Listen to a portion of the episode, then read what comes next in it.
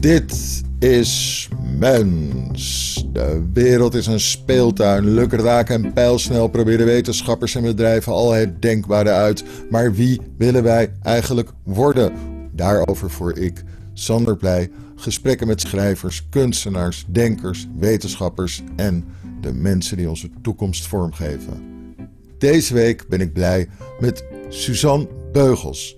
Zij is hoogleraar psychologie aan de Universiteit van Amsterdam, oprichter van het Mind Lab aan die universiteit, waar zij onder meer mindfulness gebruikt om te kijken naar de ontwikkeling van kinderen en hun ouders. Suzanne, ben je er al? Ja, ik ben daar. Nou, welkom. Jij bent oprichter van UVA Minds. Wat is dat? Ja, dat is een academisch behandelcentrum voor kinderen en hun ouders hier in eh, het centrum van Amsterdam, waar we veel, uh, ja, eigenlijk alleen maar evidence-based behandelingen geven, maar een heel aantal daarvan hebben te maken met mindfulness voor kinderen en hun ouders. Is dat waarom je het hebt opgericht? Ja, ik heb het opgericht, dat is inmiddels alweer 12,5 jaar geleden, ongeveer, bijna 13 jaar. Eigenlijk om effectieve behandelingen te kunnen bieden aan kinderen met psychische problemen en hun ouders. En daar werkelijk, zeg maar, de laatste stand van de wetenschap steeds bij te gebruiken bij het kiezen van welke behandelingen zijn nou het beste. Maar ook om juist nieuwe behandelingen te onderzoeken, waaronder toen de mindfulness, hebben we dus dat academische centrum uh, opgericht. Oké, en nou wou ik het je met over twee dingen vooral hebben. Eerst eventjes over waarom dit nodig is. En dan daarna over hoe, hoe je bij mindfulness kwam en wat daar de profijtelijke van is. Eerst wil ik je dan vragen, problemen als stress, drukte, aandachtsproblemen, die nemen ook echt toe in de afgelopen tientallen jaren. Klopt dat? Ja, ja, we zien eigenlijk over de hele linie zien we een toename in psychopathologie. Dus inderdaad die verschillende gebieden die je noemt. En dat zien we eigenlijk in heel veel westerse landen. Zie je zo'n trend. In Amerika is het misschien het meest duidelijk. In ieder geval het beste onderzocht. En dan zie je dus inderdaad een, bijvoorbeeld een verdubbeling in het aantal kinderen en jongeren en jongvolwassenen met depressie en helaas ook suïcide zie je daar verdubbeld in een jaar of tien tijd in die leeftijdsgroep. Heetje, heetje. Ja, ik, ik noemde als eerste stress, drukte en aandachtsproblemen, omdat ik die nogal associeerde met digitale technieken en de snelheid opeens om ons heen in de, nu we in steden wonen. Ja. En jij noemt ook depressie, dus eigenlijk zeg je gewoon alle psychoproblematiek.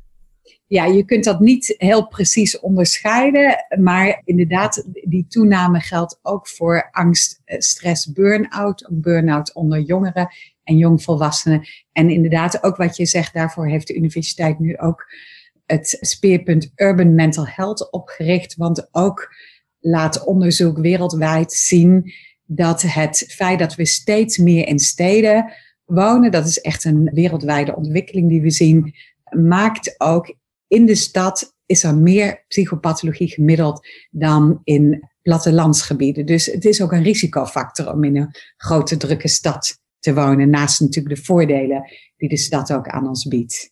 Jeetje zeg, ik heb ook in een boek zelfs daarover geschreven. Dat het gevoel van dat je, terwijl je door de stad fietst, dat je ergens je systeem nog bezig is met te waken over of er geen leeuw op je afgesprint komt of een adelaar om je te, op te pakken. En er wordt van allerlei primitieve prikkels worden er uh, heel erg bediend in de stad. Klopt dat? Ja, ik weet niet of je nou in een stad bang voor een leeuw of een adelaar moet zijn, maar ik begrijp uh, uh, je punt. Wat er natuurlijk gebeurt als wij door een drukke stad lopen of fietsen of laat staan dat we doorheen proberen auto te rijden. Dat kost veel meer stress en dus ook veel meer energie van het brein dan het meer rustige tempo wat we op het platteland zien en de grote hoeveelheid natuur die er op het platteland is. een stad, we noemen dat wel de zachte of de harde aandacht.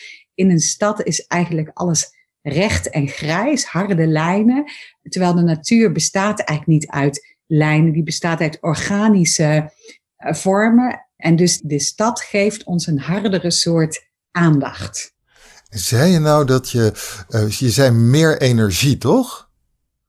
Ja, in de zin van gewoon elektriciteit. Dus het brein, mensen hè, die rondrenden door de prairie, die, die gebruikten maar een fractie van de energie op breinniveau van wat de hedendaagse mens doet in het drukke leven, in onze technologische samenleving en ook in, in de drukke stad waarin we nu wonen en leven. Ah, betekent dat dan, sorry, ik ga meteen doorfantaseren, maar betekent dat dan ook dat als je psychisch best goed in evenwicht bent en je best senang voelt, dat dan toch nog in jouw brein er al die impulsen aankomen en jouw brein toch nog meer elektriciteit nodig heeft, dus energie gebruikt, dan wanneer je buiten de stad bent op een hele rustige plek. Ja. Ah. Het geldt voor ons allemaal en dus geldt het ook dat het goed is om af en toe even uh, rust te nemen van de stad. Dat weten we ook allemaal, hè? Sex in the City. Als we even de stad uitgaan, op het platteland, wat er dan in de natuur, wat er dan gebeurt met ons systeem. Ja, daar hebben we allemaal natuurlijk voorbeelden van hoe dat werkt. Sorry, je zei Sex in the City? Nou, ik moest even denken aan de serie Sex in the City, hoe die dames dan af en toe de stad uitgaan om dan weer hard naar de stad uh, terug te rennen. Kijk, als we op het platteland zijn, missen we de stad. Zijn we in de stad, dan missen we het platteland. Dus we hebben allemaal, ja, dat is natuurlijk de dualiteit waarin we allemaal leven. Dat we zowel drukke prikkels zoeken als tegelijkertijd rust nodig hebben van uh, die drukte. Ja, Oké, ik begrijp het. Zie je nou ook nog een, uh, wat wij hadden het over allerlei psychoproblematiek. Zie je nou ook nog bij sommige psychoproblematiek dat die nog meer toenemen in deze tijd?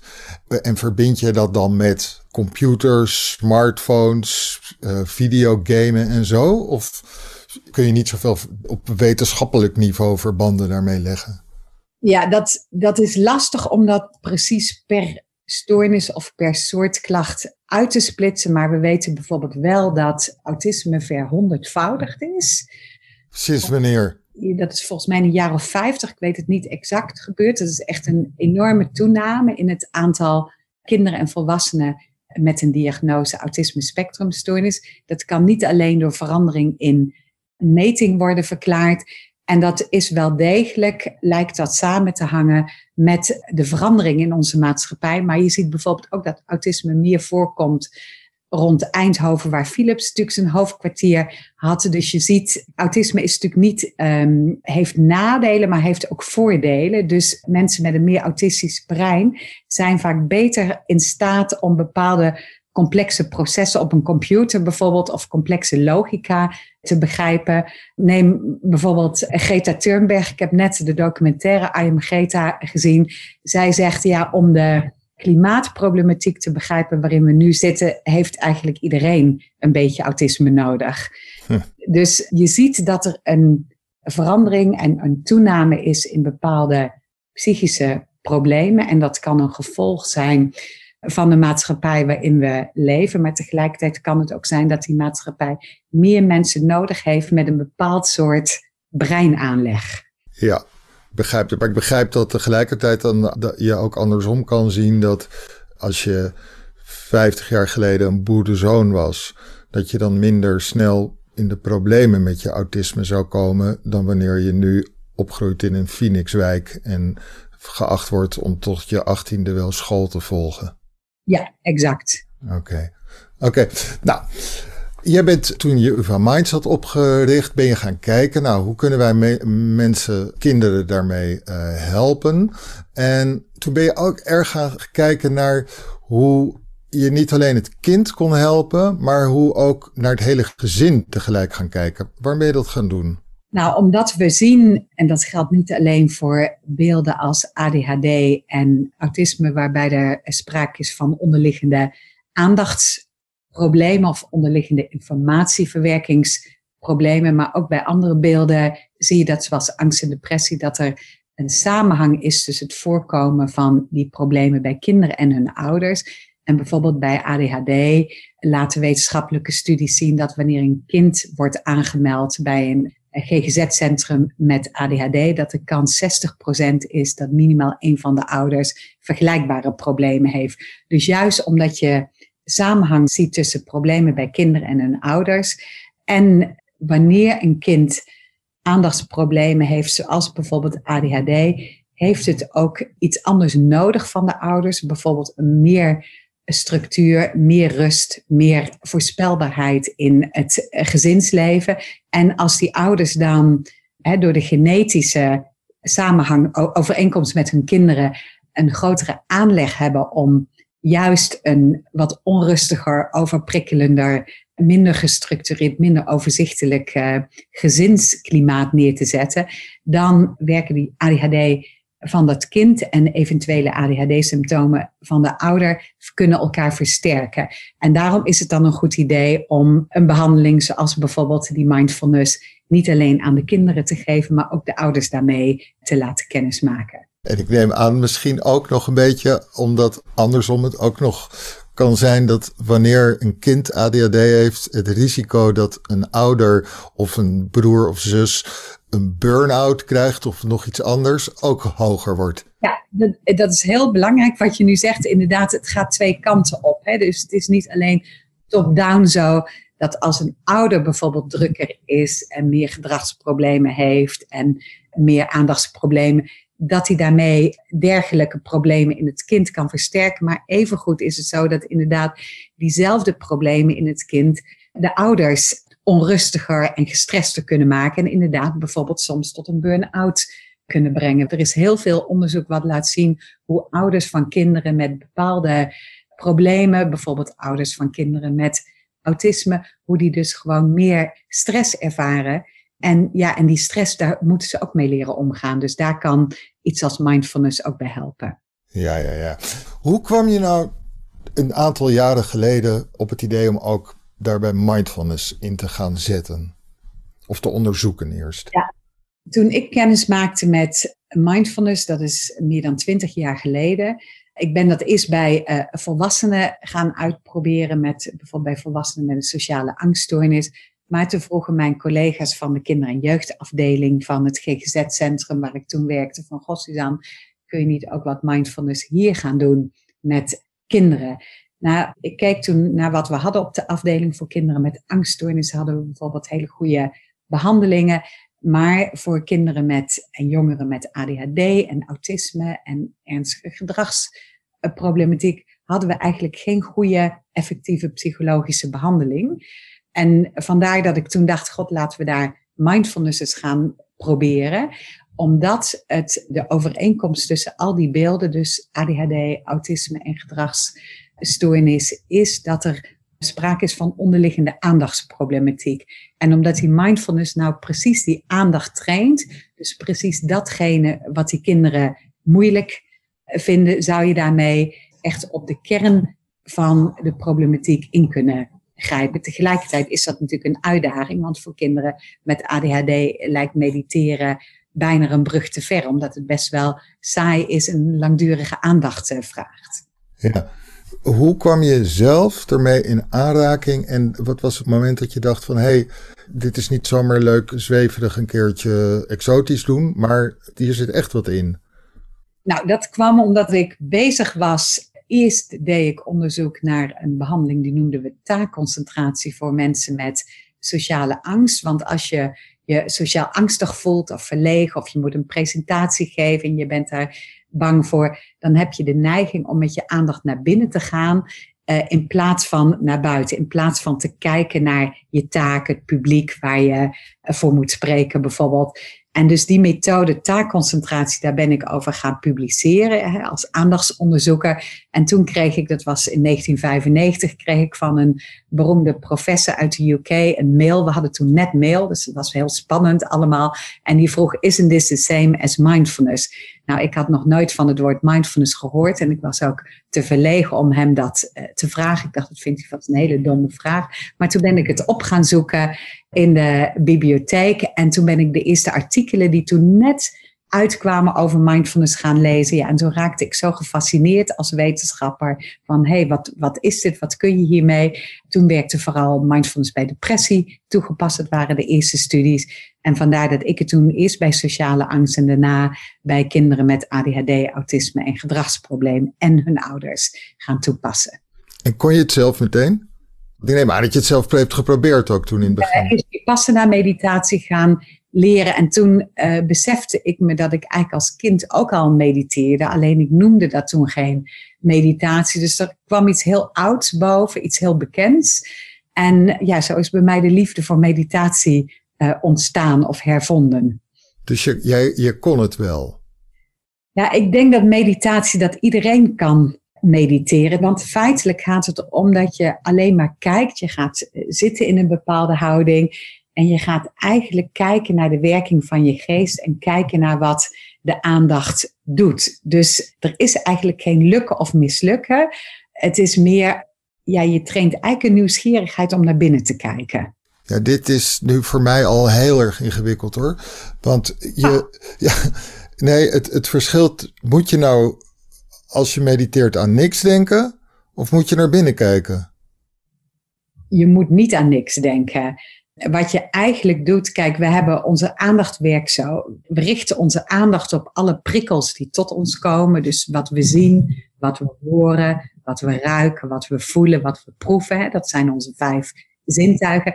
Die brengen dus eigenlijk voortdurend komen via die vijf zintuigen, komen de prikkels binnen in ons systeem. Ons aandachtssysteem is buitengewoon complex en knap systeem. Want dat aandachtssysteem dat filtert eigenlijk aan welke prikkels het aandacht gaat besteden en welke het gaat negeren. En dat is ook waar het soms mis kan gaan bij mensen die overprikkeld raken. Zoals je dat kunt zien bij mensen met bijvoorbeeld autisme of ADHD.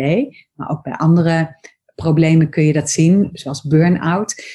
maar dat, dat aandachtssysteem is heel complex. Al die prikkels komen binnen. En niet alleen kunnen we aandacht besteden aan kijken, horen, ruiken, voelen en proeven. Maar dan kunnen we ook nog kijken naar de aandacht zelf. Dus aandacht besteden aan hoe onze geest die prikkels verwerkt. En bijvoorbeeld, inderdaad, jij noemt te denken, wat we allemaal gaan denken over wat we zien, ruiken, horen, voelen, proeven. En ook daar kunnen we weer naar gaan kijken. Ten eerste heb je het bewustzijn. En het tweede niveau is het bewustzijn van het bewustzijn zelf. Op die beide niveaus kun je gaan kijken naar hoe de aandacht werkt. Maar misschien is het heel abstract en moeten we het gewoon even proberen, Sander, om een, om een beeld te geven van hoe dat werkt. Ja, ik heb je dat gevraagd net van tevoren, of wij eventueel een meditatie zouden kunnen doen. En toen zei jij, nou dat is best goed hoor, we kunnen best wel een kijkmeditatie doen. Toch? Ja, zullen we dat uh, nu even gaan doen? Ik ben daar helemaal voor. En kunnen dan ook de luisteraars, kunnen die dan ook meedoen? Zeker als je een plekje kunt vinden waarin je kunt eh, liggen, uh, staan of zitten voor het raam. Als je bijvoorbeeld aan het autorijden bent, zou ik het pas even uitstellen. Begrijp ik. Maar als we maar naar buiten kunnen kijken verder. Precies. Nou, laten we beginnen. Nou, een kijkmeditatie is, dat kun je overal doen, maar bijvoorbeeld voor het raam. We zitten alle twee in ons eigen huis voor ons raam. En dit is waar we tijdens zo'n periode zoals nu in een lockdown misschien nogal vaak zitten. En dan kun je gewoon gaan mediteren door gewoon een paar minuten uit het raam te gaan kijken. Je kunt dat zittend doen, maar ook liggend of staand. Maar wij zitten nu.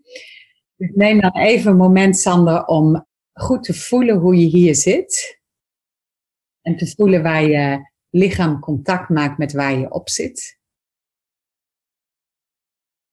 En als je dan uh, klaar voor bent, dan kun je je ogen met, gewoon naar buiten gaan kijken.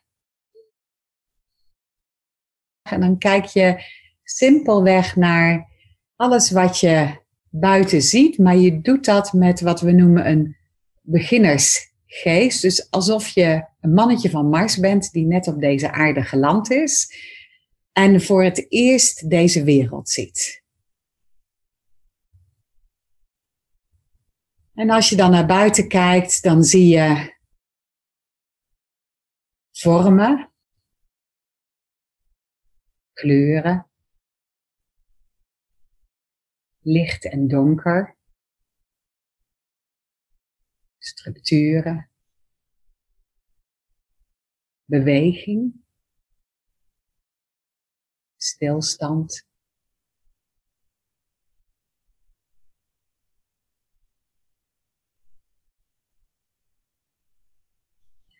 Waar we normaal de neiging hebben om alles wat we zien eh, te labelen, bijvoorbeeld boom, gevel, kerstverlichting, vliegtuig, regen. Gaan we nu voorbij die labels alleen maar kijken naar wat zie ik nu eigenlijk? Dus terug naar alleen maar zien, alleen maar kijken. Voorbij ons eerste oordeel.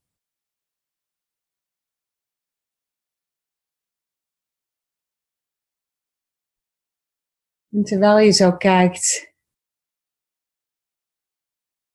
kun je soms op iets heel precies inzoomen en dan weer uitzoomen naar het grotere geheel. Zoals je ook met je camera kunt doen. En als je bij jezelf de neiging opmerkt om aan bepaalde dingen heel veel aandacht te besteden, bijvoorbeeld omdat je ze mooi vindt, en andere dingen een beetje te negeren omdat je ze niet zo mooi of niet zo interessant vindt, dan kijk eens of je nu zo goed als je kunt alles wat zich in je blikveld verschijnt aandacht kunt geven. Dus voorbij ons eerste oordeel.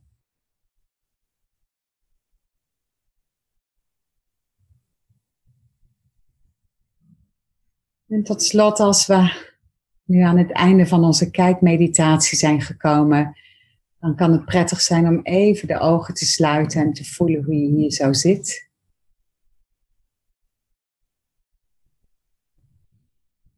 En dan gaan we weer over naar het volgende moment van onze dag. Deze podcast.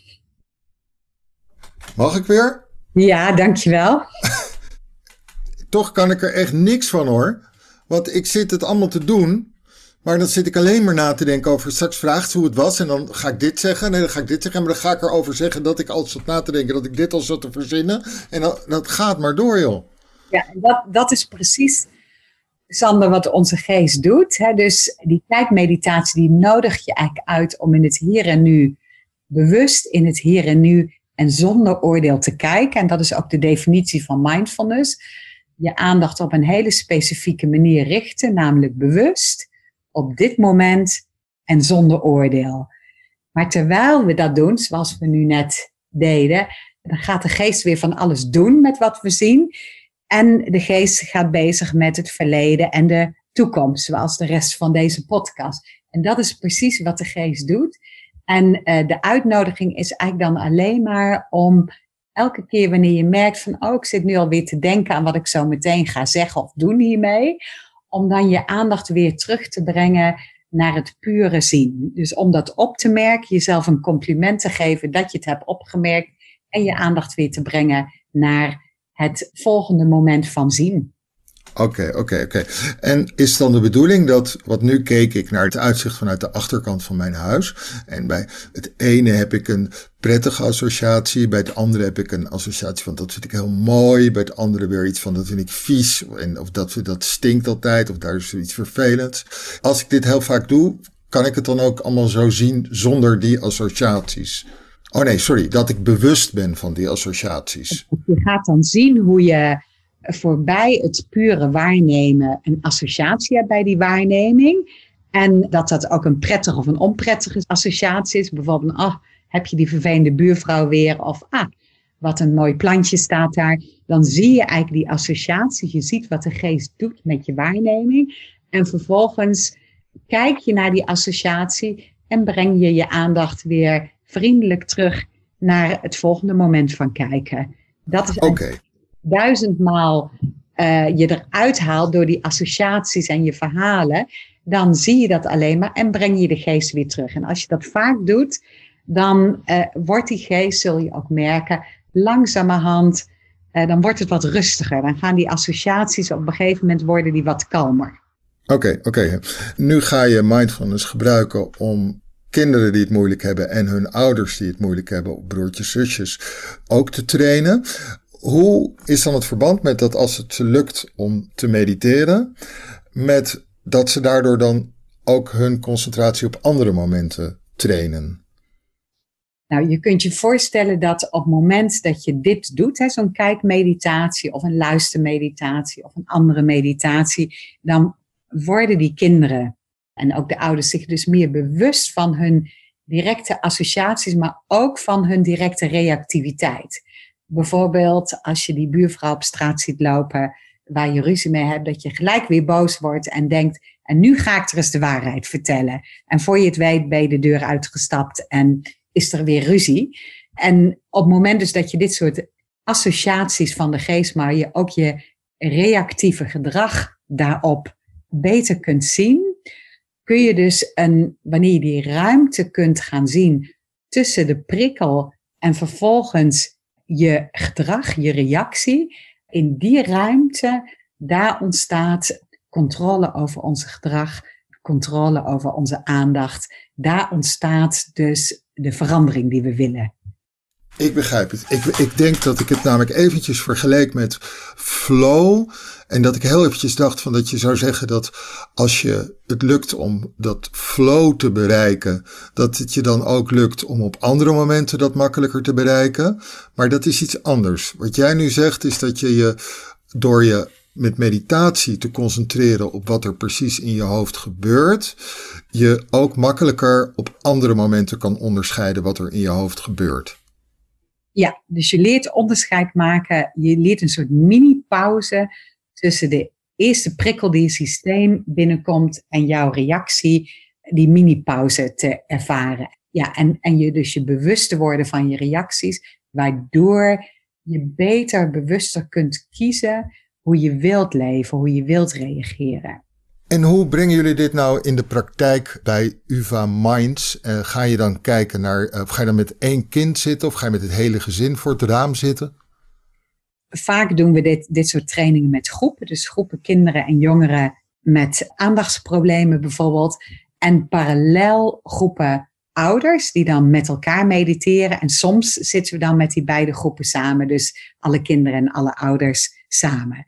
Maar het kan ook met een individueel gezin. En het kan ook met alleen een groep ouders. Dus dat je alleen de ouders, uh, we noemen dat mindful parenting of mindful ouderschap, leert. Of alleen de kinderen.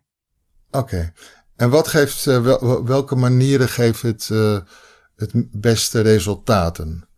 Daar zijn we druk onderzoek naar aan het doen. In ieder geval zien we dat zowel de vorm waarbij we alleen de ouders eh, mindful ouderschap aanbieden in een groep, dat dat effecten heeft niet alleen op de aandacht en de opvoeding, de kwaliteit van de opvoeding van de ouders, maar dat heeft bijzonder genoeg ook effecten op de gedragsproblemen of aandachtsproblemen van de kinderen. Dus het is wel degelijk zo, we noemen dat in het boeddhisme, heet dat interbeing of interdependency. dus we zijn allemaal eigenlijk met elkaar verbonden en het gedrag en het gevoel van de een beïnvloedt het gedrag en het gevoel van de ander. Dus als een ouder leert mediteren, als een ouder mindful parenting leert, dan verandert dat niet alleen iets in die ouder, maar ook in de kinderen en ook in de partner. Ja, dus dat is heel bijzonder. Daarnaast de vorm waarbij je dus de kinderen leert mediteren en de ouders ook. En ook hoe ze dat samen in de praktijk kunnen brengen thuis. Nou, ik zal je een voorbeeld geven. We doen dan bijvoorbeeld, we leren de kinderen en de ouders de adempauze, een hele korte twee of drie minuten ademmeditatie, die je vervolgens leert toepassen op momenten dat je zelf gestrest bent. Dus dan leer je dat uh, toepassen. Oh, kunnen we die ook doen? Kunnen we die ook doen? Gaan we zo doen, maar ik maak even mijn zin af. En dan daarna vraag je dan kinderen, als je nou vindt dat je ouder gestrest is of te boos wordt, dan kun je de ouder vragen om een adempauze te geven. En de ouder kan het vervolgens ook aan het kind vragen. Dus zo leer je emotieregulatie in het gezin.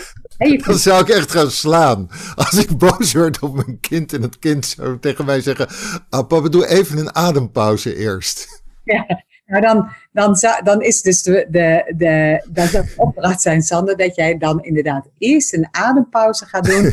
en dan kun je alsnog beslissen na of je je kind gaat slaan of niet. Dus dat is precies die ruimte tussen prikkel en impuls.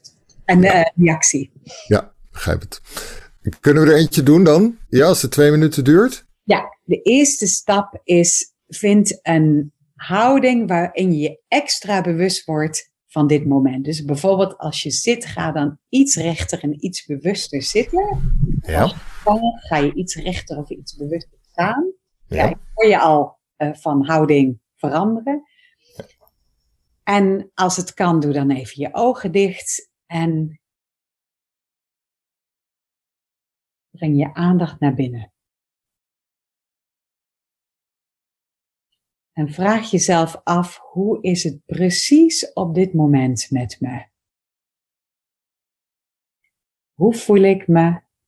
Wat voel ik? Zijn er gedachten? Voel ik de neiging om iets te doen?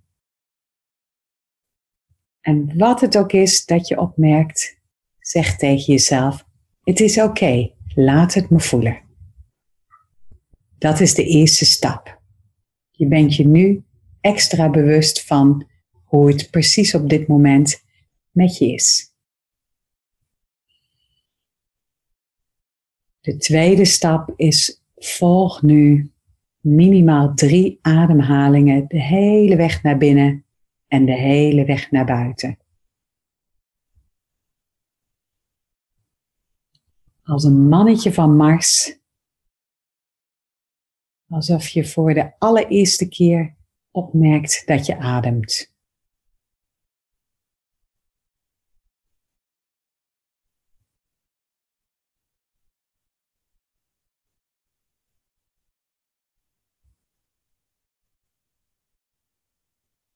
En breid nu die aandacht voor je ademhaling uit naar je hele zittende of staande of liggende lichaam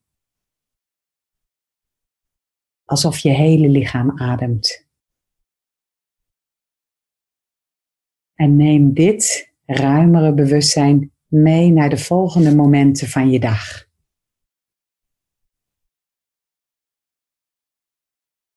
Nou, daar zijn we weer, Sander. Nou. je kunt je voorstellen, als je van plan was om te gaan slaan, dat deze korte ademmeditatie je als het ware een nieuw, nieuwe kans geeft om te beslissen hoe je met deze situatie om zal gaan. Nou, hij deed echt wat. Maar ging jij ook stiekem ietsje dichter bij de microfoon zitten? Uh, misschien wel. Ik had, het was net als de vorige keer dat er honderdduizend gedachten kwamen, maar nu dacht ik, daar komen honderdduizend gedachten, zie ze gaan. Het zijn allemaal honderdduizend gedachten. En toen keek ik naar het lichaam, wat er in het lichaam allemaal gebeurde. En toen leek het net alsof daartussenin jij hm. opeens meer aanwezig was in mijn hoofd toen je begon te praten. Wauw. Ja. Nou, jeetje. Spelen, leuk. Ik had nou nog een. een ik, we zijn een beetje aan het einde en had ik nog een vraag, maar die ben ik nu dus echt helemaal kwijt. Net als dat. Oh ja, ik weet het weer. Nou had ik een soort associatie die je ook wel eens hoort over uh, mindfulness, als er kritiek op het praktisch aanwenden van mindfulness voor werksituaties wordt geuit. Dan gaat het een beetje over, hey, dat is eigenlijk een soort uh, manier om het werkvolk op deze manier aan het werk te houden. En heeft dan altijd bij mij de associatie gehad van juist iets heel erg um, individueels. Dat, dat connectedness helemaal niet aanwezig is, maar dat mensen juist alleen maar helemaal heel individueel zichzelf weer probeert op te laden om weer harder te kunnen werken. Van daaruit wilde ik de vraag stellen dat je hoort altijd over die Yuval Noah Harari, de, de meest gelezen intellectueel van deze tijd, denk ik inmiddels, dat hij een paar uur per dag mediteert. Ja. Wat zou er dan in dat hoofd van zo'n man gebeuren tijdens al die uren? Ja, een beetje een moeilijke vraag. Ja. Ja, ik ken ook mensen die een paar uur per dag mediteren. Mij lukt dat nog niet. Ik ga wel af en toe op langere retreats, waarbij ik bijvoorbeeld negen dagen lang het grootste deel van de dag mediteer. Misschien is dat een beetje vergelijkbaar. Ik denk dat langere meditaties je verder naar binnen brengen en dat je dan ook meer stilte en leegte gaat ervaren. En eigenlijk steeds meer, hoe langer je mediteert, hoe meer je eigenlijk ook in contact komt met het kind in je en misschien ook met het preverbale kind. Omdat het denken dan een beetje stopt, waardoor je echt heel puur kunt gaan waarnemen, zoals we dat natuurlijk onze baby's ook hebben zien doen. Maar waar, als je zegt waarnemen, waarnemen daarin zit een actieve manier van denken in. Waarnemen is merken dat je iets ziet of hoort of ruikt en het, het laten binnenkomen. Dan, dan, dan ben je er bewust van. Ik weet het eigenlijk niet of dat. dat um, kijk, zoals een baby waarneemt. Hè, een baby neemt vanaf het eerste moment dat het geboren is waar. Bijvoorbeeld licht, het geluid wat harder klinkt. Het gevoel van uh, de huid, kou, warmte. Dus die eerste waarneming die een baby doet, die zijn heel intens, denk ik. Ja. En die baby daar ook gelijk op reageren. Ja, en door die waarnemingen worden er nieuwe verbindingen in het brein aangelegd en wordt het brein uitgebreid. Ja. Dus wat gebeurt er dan als iemand urenlang gaat mediteren en urenlang zo weinig mogelijk prikkels krijgt? Zou dan mijn, al mijn gedachten en zo over alles, die gaan dan steeds minder worden? Maar dan? Ja, dus op het moment dat je minder gedachten over alles hebt, ben je meer in het moment. Dus als ik langer, als ik urenlang mediteer, dan ga ik steeds meer eigenlijk het huidige moment heel bewust ervaren. En ik kan er ook heel bewust dan van, ja, je gaat er sterker van genieten, maar het kan ook sterker vervelend zijn. Dus de ervaring, de pure ervaring, gaat een grotere plek innemen in in de waarneming en het denken over die ervaring een kleinere plek. Uh, maar ik denk natuurlijk verkeerd, want ik associeer het alleen maar met gewoon in kleermaken zit met je ogen dicht zitten. Maar dat hoeft niet alleen. Nee, uh, je hebt bijvoorbeeld ook de loopmeditatie, dus je loopt buiten. En ook natuurlijk het effect van als je twee uur gemediteerd hebt en je gaat dan buiten een wandeling in de stad maken, dan zul je bijvoorbeeld merken dat je die stad honderd keer drukker ervaart dan normaal. Dus meditatie heeft absoluut een effect op je ervaring tijdens de meditatie en na de meditatie. En uiteindelijk gaat het natuurlijk niet om, om wat we op ons kussen doen als we mediteren. Het gaat om het effect van onze meditatie op ons leven. En op hoe we ons relateren tot onszelf en de mensen om ons heen en de wereld waarin we leven. Ja, dus die Yuval Noah Harari, die heeft echt een waanzinnig gelukkige partner waarschijnlijk. dat zou best kunnen, ja. Oké, we zijn aan het eind gekomen. Ik heb volgens mij een spoedcursus meditatie van je gekregen. Want de eerste keer dat werd helemaal niks. Uit het raam kijken door mij. Maar ondertussen wel daarvan geleerd. En nu de ademmeditatie ging al heel erg ver. Ik zal aan de de, de opdrachtgever Vrij Nederland vragen of je niet vaker mag vragen voor een uh, andere meditatie. Want dat zal hun welbevinden ook uh, te goede komen door gezien de interconnectedness met mij. Um, maar nu ook op. Dankjewel. Ja. Dankjewel Sander.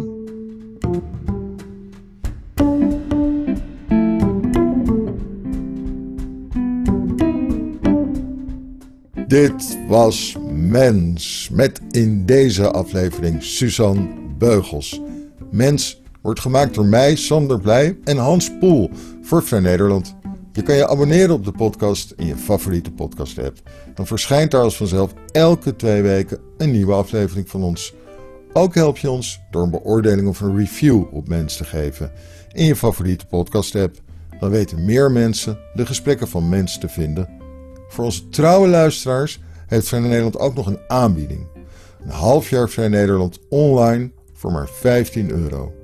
Kijk voor die aanbieding op vn.nl slash podcast.